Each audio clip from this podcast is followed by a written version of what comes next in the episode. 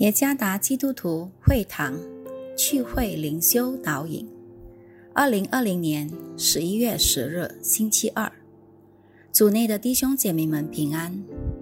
今天的灵修导引，我们将会借着圣经撒母耳记下十三章二十三到三十九节来思想今天的主题：报复就能解决问题吗？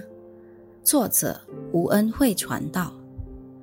萨姆尔记下十三章二十三节。过了二年，在靠近以法莲的巴利夏所，有人为亚沙龙剪羊毛。亚沙龙请王的众子与他同去。亚沙龙来见王说：“现在有人为仆人剪羊毛，请王和王的臣仆与仆人同去。”王对亚沙龙说：“我儿，我们不必都去。”恐怕使你耗费太多。亚沙龙再三请王，王仍是不肯去，只为他祝福。亚沙龙说：“王若不去，求王许我哥哥安嫩同去。”王说：“何必要他去呢？”亚沙龙再三求王，王就许安嫩和他王的众子与他同去。亚沙龙吩咐仆人说：“你们注意。”看安嫩饮酒畅快的时候，我对你们说：杀安嫩，你们便杀他，不要惧怕。这不是我吩咐你们的吗？你们只管壮胆奋勇。亚沙龙的仆人就照亚沙龙所吩咐的向安嫩行了。王的宗子斗起来，个人骑了驴子逃跑了。他们还在路上，有风声传到大卫那里说。亚沙龙将王的众子都杀了，没有留下一个。王就起来撕裂衣服，躺在地上。王的臣仆也都撕裂衣服，站在旁边。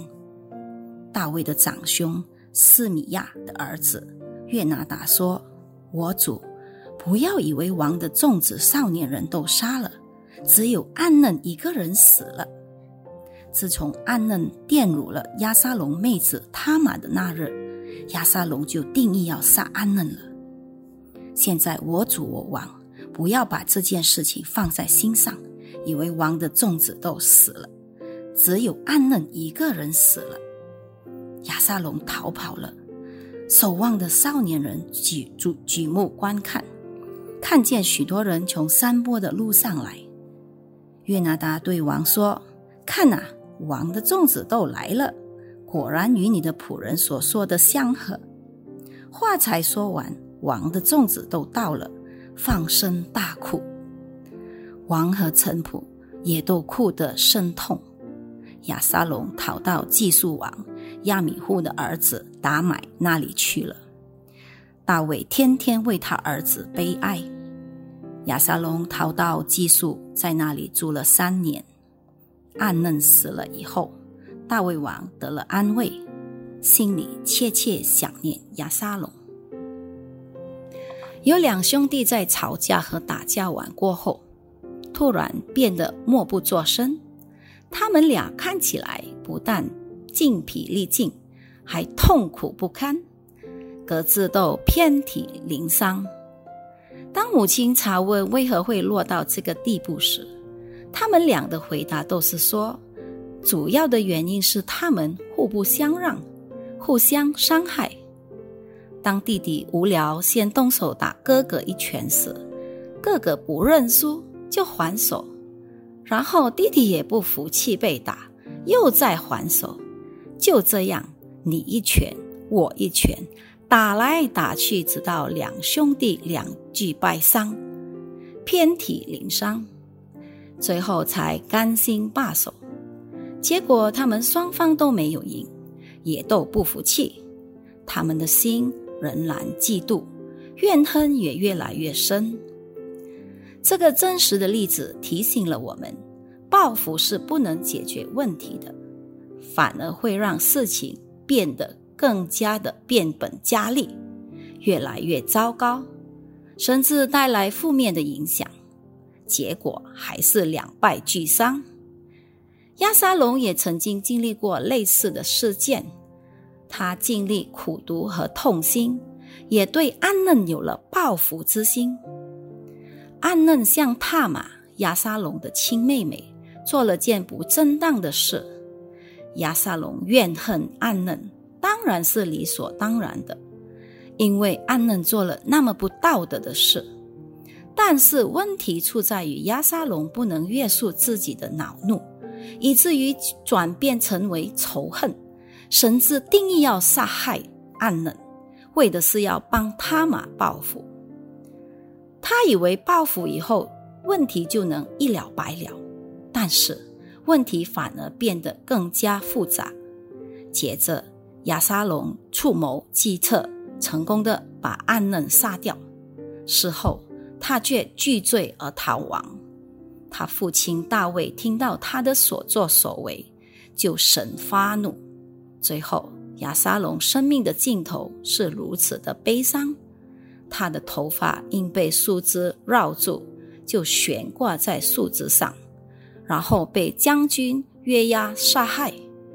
亚沙龙的一举一动都表示着他不相信审判是上帝的主权，所以他就用自己的方法来报复，用自己的想法来解决问题。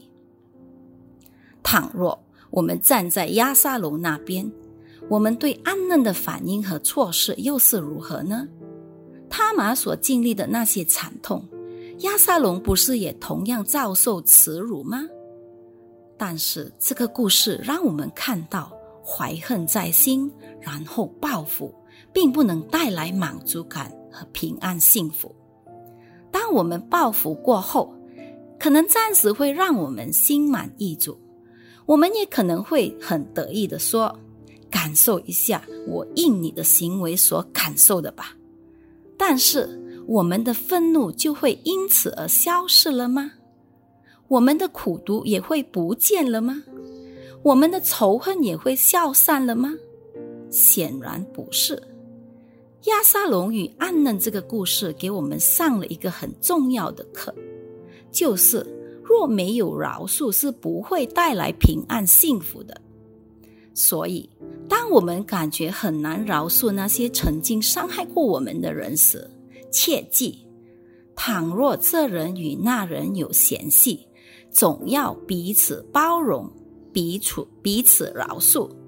主怎么饶恕了你们，你们也要怎么饶恕人。参看哥罗西书第三章十三节，就好像主耶稣之前所立下的接纳与饶恕的好榜样。当他被辱骂，遇到不如意的事，他选择宽待，他也完全饶恕他人，他甚至还爱那些曾经背叛他和伤害过他的人。不能饶恕和怀恨在心，就是不相信上帝的公义。愿上帝赐福于大家。